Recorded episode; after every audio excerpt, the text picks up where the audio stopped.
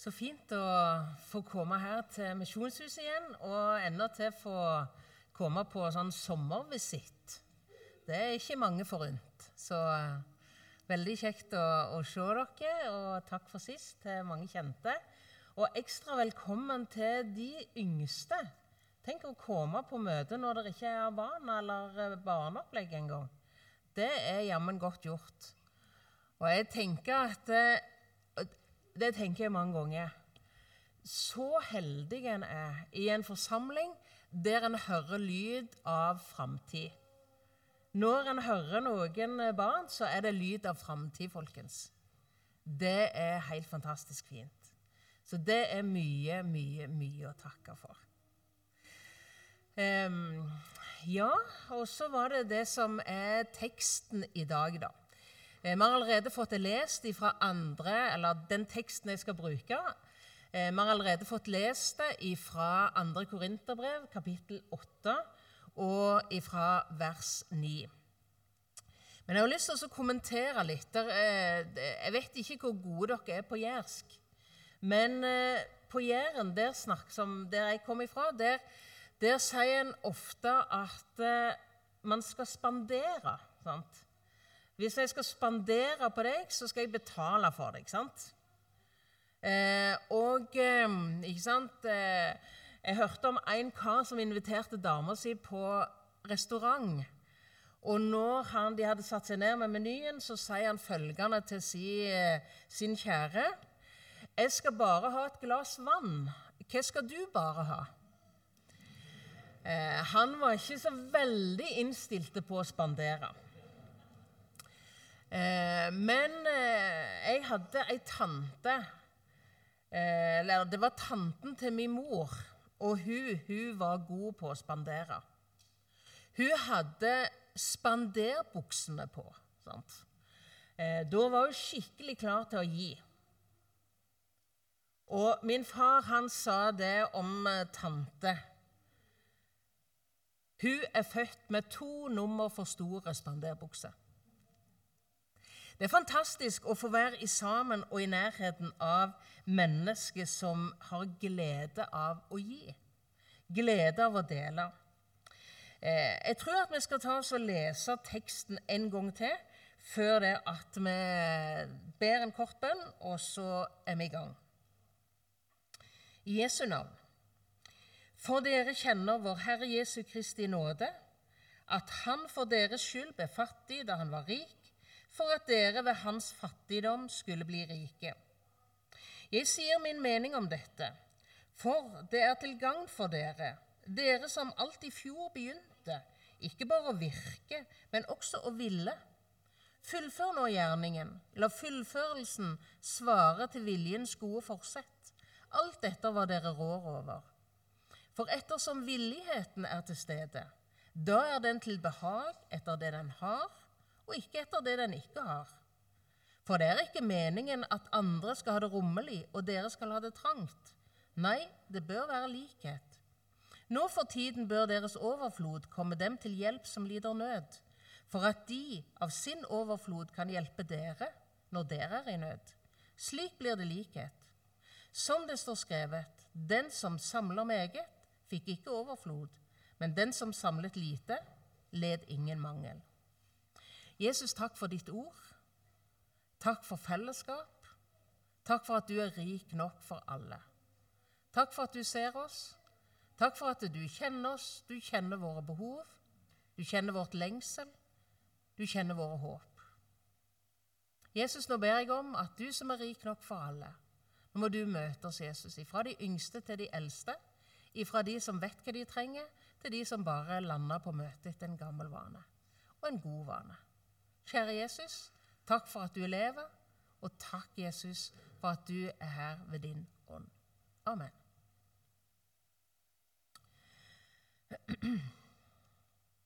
Gleden av å dele. Jeg tror at jeg bare har lyst til å si sånn innledningsvis så tenker jeg at gleden av å dele, det handler om mer enn økonomi. Det handler om mer enn gaver. Vi mennesker vi er ganske forskjellige.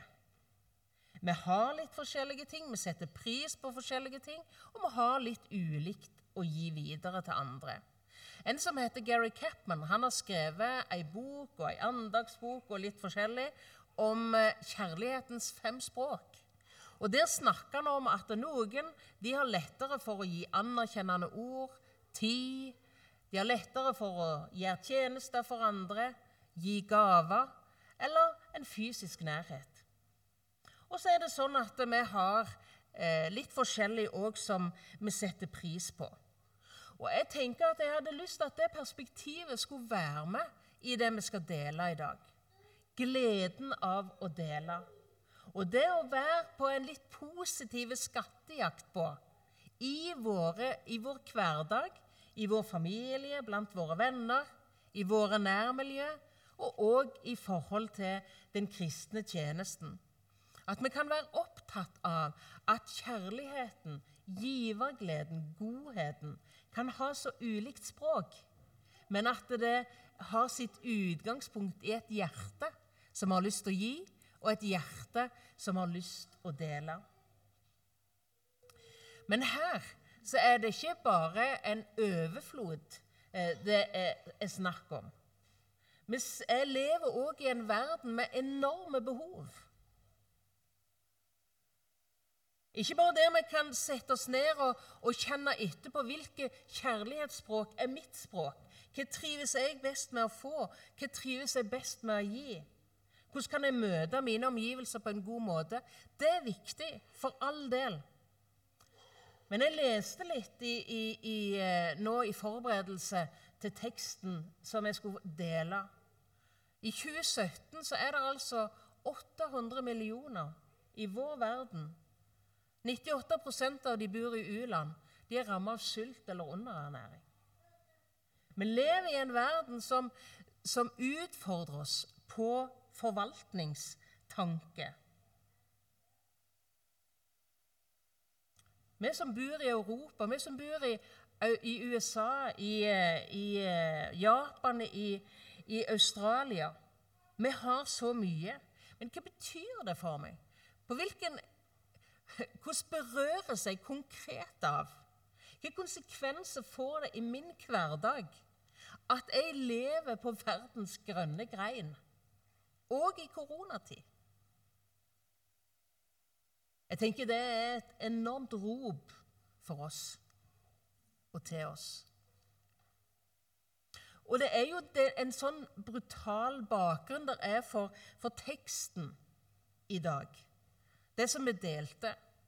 Paulus han skriver om innsamlingen til de fattige judea. Han, han, på en måte løfter fram de kristne i Makedonia, om de er fra Filippi eller Berøa eller Tessaloniki. Dette området i det som er dagens Hellas. Disse kristne som, som hadde fått et hjerte for å gi, de hørte ryktene fra Judea-området, der det var så stor hungersnød at mange døde.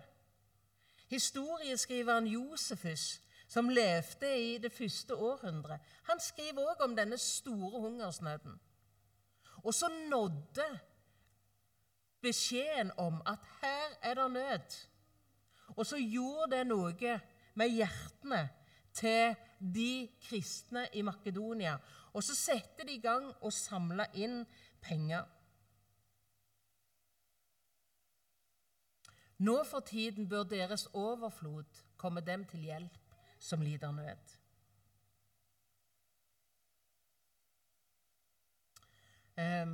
Det ble òg lest fra teksten fra Markus kapittel 12. Jesus han er i Jerusalem. Han ser på alle disse menneskene som han eh, er i nærheten av. Og så har han en del formaninger knytta til det å ha et fokus på å gi for å bli sett. Å gi for å få posisjon. Å ha en fasade i livet sitt for å imponere andre mennesker. Og så avslører Jesus det. Det var ikke bare når kongen skulle velges ut i det gamle Israel, når gamle Samuel gikk til Betlehem, til Isai for å se sønnene hans. Han ble så imponert av den eldste, så sterk, så ut til å være et så bra kongsemne. Og så lyder budskapet fra Gud. Gud ser ikke på det ytre, Gud ser på hjertet. Og så var det, måtte de hente hjem den unge David fra arbeidet sitt som gjeter. Gud ser til hjertet. Det handler ikke om posisjon. Det handler ikke om egen ære. Jesus han avslører det. Og så ser han denne fattige enka som kommer med, med sin lille gave. To skjerver, ca. en øre. Jesus legger merke til det. Det gjør disiplene òg. Og så sier Jesus hun ga mest, for hun ga av det hun, ga det hun hadde. Nå tror jeg at det er ganske mye som kan sies om denne teksten som jeg både av ydmykhet for hva jeg ikke har innsikt i, og, eh, og, og, og og jeg tenker at Jeg tror gjerne ikke at denne teksten handler om at vi skal tømme bankkontoene våre. Men jeg tenker at teksten handler i alle fall om to ting. Teksten handler for det første om at denne enka blir løfta fram som en representant for de Gud har omsorg for, og at Gud hadde vist henne at han hadde omsorg for henne. At hun ga det som hun hadde, i tillit til Guds omsorg i livet sitt. Han som skulle være enkers og farløse sin hjelper. Vær ikke bekymra for livet, talte Jesus i bergpreika. Se på fuglene under himmelen. Gud har omsorg for deg. Gud har omsorg for oss. Vår Far i himmelen, han vet hva vi trenger.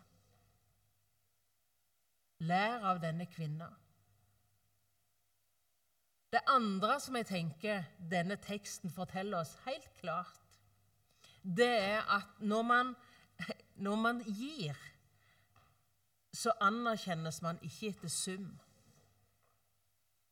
Når man gir, så legges det ikke merke til størrelsen på gaven på et vis. Den kan vi vurdere, ikke sant? Det var mye, eller det var lite. Gud ser til hjertet. Gud ser til hjertet. Og han kan gjøre så mye ut av lite. Ikke det er fantastisk fint, da? I andre krønikebok så står det om en av disse kongene. Jeg tror det var kong Asa. Han er helt fortvila fordi at det kom en stor hær imot ham. Og så kommer han med en kommentar i forbindelse med at han ber til Gud så sier han, 'For deg, Herre, så gjør det ingen forskjell om du hjelper den mektige eller den hjelpeløse.' Er ikke det litt rart? For meg så er det jo sånn. ikke sant? Altså det, det, er akkurat som, som, at det er litt lettere å hjelpe hvis behovet på en måte står litt i forhold til det jeg kan bidra med. sant? Men du vet, Gud, vår himmelske Far, han er så mektig. Han er så stor. Han er så rik at han har alt. Så om jeg har så mye, eller om jeg har så mye, så blir det ingen forskjell for han som har så mye. Han som har alt. Han som er rik nok for alle. For det gjør det ingen forskjell om du hjelper den hjelpeløse eller den mektige. Gud kan Gud han kan gjøre mye ut av lite. Og så er det et vers som jeg egentlig har Jeg har lyst til å gi deg en liten utfordring. Jeg har lyst til å utfordre deg på å skrive ned det verset der. Og så har jeg lyst til å be deg om å lese det med sånn ujevne mellomrom. Eller jevne mellomrom. At du leser litt på det verset, og så Og så kan du tenke hva betyr det egentlig? Du kan drøvtygge det litt. Jeg kommer fra gard. ikke sant? Jeg er vant med å se kyene som ligger på, på, på uh, ute. Hvordan de ligger og tygger og tygger og tygger, og veien passerer fra den ene magen til den andre. Drøvtygge det litt. Drøvtygge Guds ord. Det er en ganske spennende greie. Fordi at da kan det handle om at Guds ord, som er levende, det gjør faktisk noe med oss.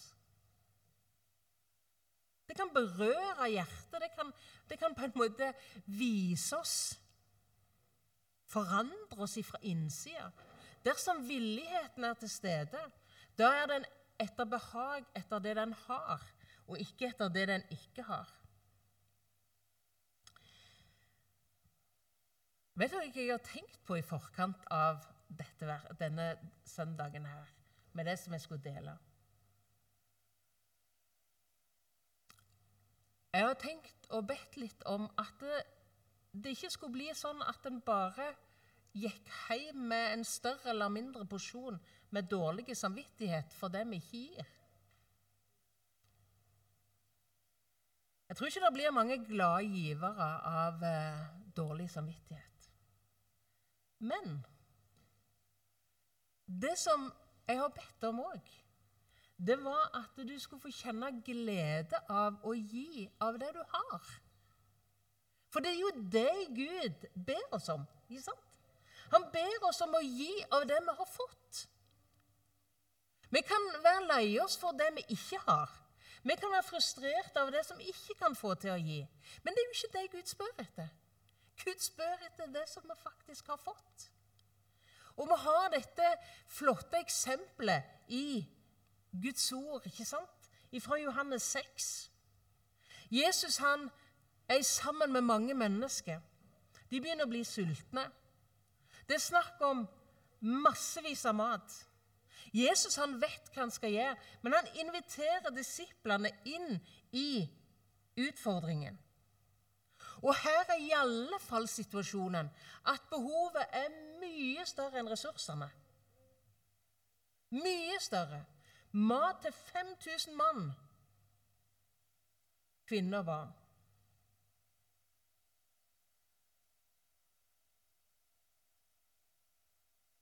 Og så er det Andreas, da.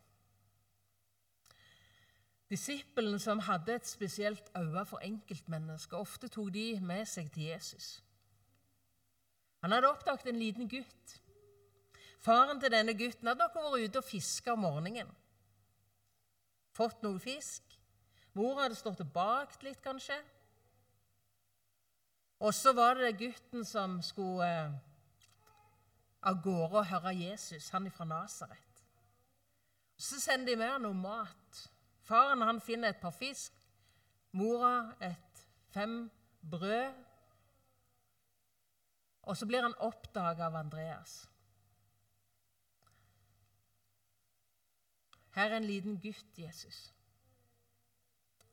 Her er en liten gutt. Jeg har to som jeg beundrer veldig her. Det ene er at jeg beundrer Andreas. Tenk, da! ikke sant? Hadde du kommet med en liten matpakke når behovet var 5000 mann og kvinner og barn? Hadde du gjort det? Nei, du hadde lagt den nederst i veska sannsynligvis og tenkt at det er jo ingenting. Det er jo ingenting. Det blir jo ingenting av det. Og jeg beundrer Andreas sånn. Jeg beundrer Andreas sånn. Jesus, her er det en liten gutt. Det er ikke mye til så mange. Men her er det Jesus. Her er det. Og vet du hvem jeg beundrer? Jeg beundrer han lille gutten. Du kan vite han var sulten. Han hadde sikkert lyst på nistepakken sin sjøl. Men så sto han der. Dette har jeg, Jesus. Dette har jeg. For en situasjon. For en situasjon. Og så begynte de ikke sant, å dele ut. Ser du de der voksne disiplene, fiskerne? En tolvtedels liten fisk og en sjettedels brødbete starta de med. Så begynte de å gå fra person til person, fra person til person. Og står det at alle ble mette. Det var ikke bare sånn at alle fikk litt, men alle ble mette. Og så ble det tolv korger til overs. Velsignelsen. Velsignelsen. Hemmeligheten. Er ikke det litt sånn rart? Hvordan i all verden kunne dette brødunderet skje? Jo, det var jo Jesus sin velsignelse. Han som tok det lille som gutten hadde, hans matpakke. Han som løfta det opp imot himmelen, ba om Guds velsignelse over det. Og så ble det nok til alle, og til velsignelse for de som var med og delte ut. Har du lagt merke til at det var tolv korger? Tolv disipler. Én til hver. De satt igjen med mer enn de begynte med. Det er ikke alltid at vi så konkret opplever velsignelse når vi er med på ulike måter og gir Stiller livet vårt til disposisjon for Jesus. Det er av og til at vi kan kjenne på skuffelse. Hva ble det egentlig av det? Vi føler gjerne ikke vi sitter igjen med ei sånn korg som er mer enn det vi starta med. Men det som er vårt kall, det som Jesus spør oss om, det er hva har du fått? Hva har du? Og så kan vi synes at det ser så lite ut. Det er knapt nok til oss sjøl. Så vi legger det ned i veska og La det være der. Helsa er ikke sånn som den var. Kreftene kunne vært større. Kontoen kunne hatt mer å bidra med. Men skal vi gi til Jesus det vi har? Der villigheten er til stede, så handler det om det den har, og ikke om det den ikke har. Jeg leser av og til nå i Hverdagsbibelen. Det er jo mange bibeloversettelser. Eh, og Det kan av og til være litt forvirrende, men samtidig så er det ganske berikende. For det at vi kan eh, på en måte få litt ulike perspektiv på ordet fra Gud. Når det står om eh, de kristne i Makedonia som hadde samla inn til de nødlidende i Judea, så står det sånn Måtte dere bli rikt velsigna tilbake. Måtte dere bli rikt velsigna tilbake. Gleden av å gi. Lære å kjenne gleden av å gi. Kanskje be om å få ei litt større spanderbukse. En litt større størrelse enn det som man i utgangspunktet har. Og så tror jeg kanskje at, eh, at selve kilden, eller ladestasjonen, Ladestasjonen for å ha et hjerte som gleder seg over å gi, det er ikke minst i møte med Han som sjøl ga, og som ga alt. Teksten starter med ordet For dere kjenner vår Herre Jesu Kristi nåde, at Han for deres skyld ble fattig da Han var rik, for at dere ved Hans fattigdom skulle bli rike. Han har gitt meg så mye. Um, jeg har tenkt på det. Hvordan lærer vi å dele? Tenk dere som har barn. Hvordan lærer man barn å dele? Hvordan lærer man sjøl å dele? Det kan sikkert være mye som kan sies om det. og det er med ulike personligheter og har det ulikt osv. Så videre, sånn. Men Jeg tror i alle fall at en måte å lære å dele på, det er å være i nær, nærheten av mennesker som elsker å dele. Mennesker som viser gjennom livet sitt hvor glad de blir av at man får dele.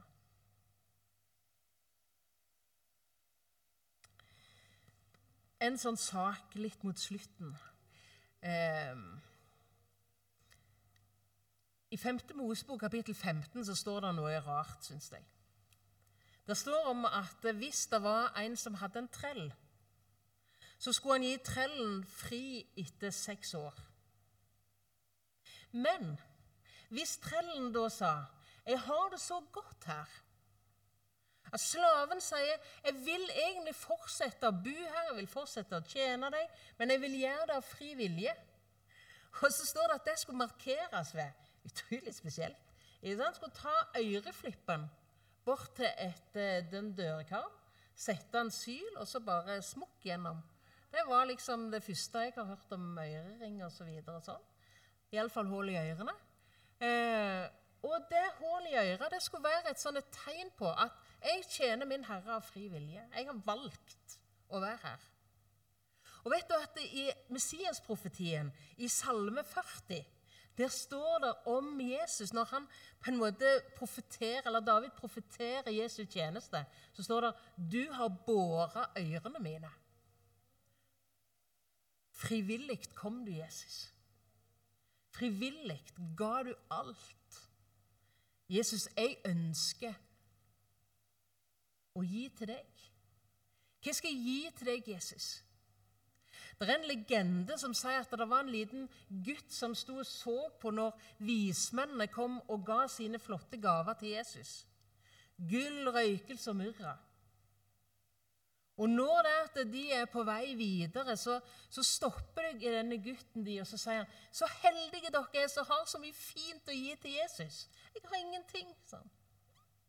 Og så sier den ene av vismannen etter legenden, da 'Det er du som er heldige. Vi er gamle. Du kan gi Jesus livet ditt. Det er den aller beste gaven du kan gi ham. Ikke det fint? Hva skal jeg gi til min frelser? Jesus, meg selv jeg deg bringer, legger meg ned for din fot, at du meg evig skal eie. Jeg er jo kjøpt med ditt blod. Hva har du fått? Hva har du å gi? Her er det en liten gutt. Her er det ei godt voksen kvinne.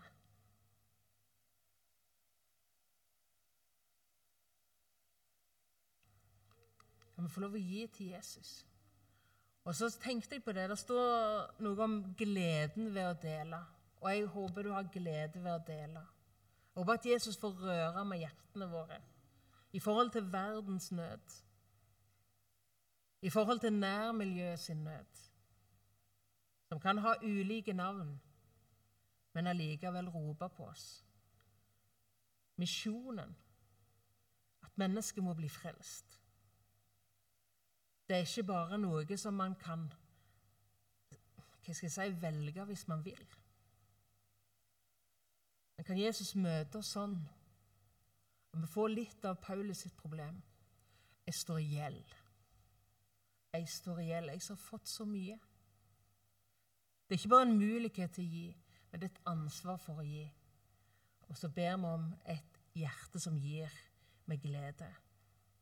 Jesus, vi ber om sånne hjerter som berøres av andre menneskers nød. Om det er en åndelig nød, en mental nød eller en eh, materiell nød. Vi ber om eh, hjerte og øyne som ikke bare ser og går forbi.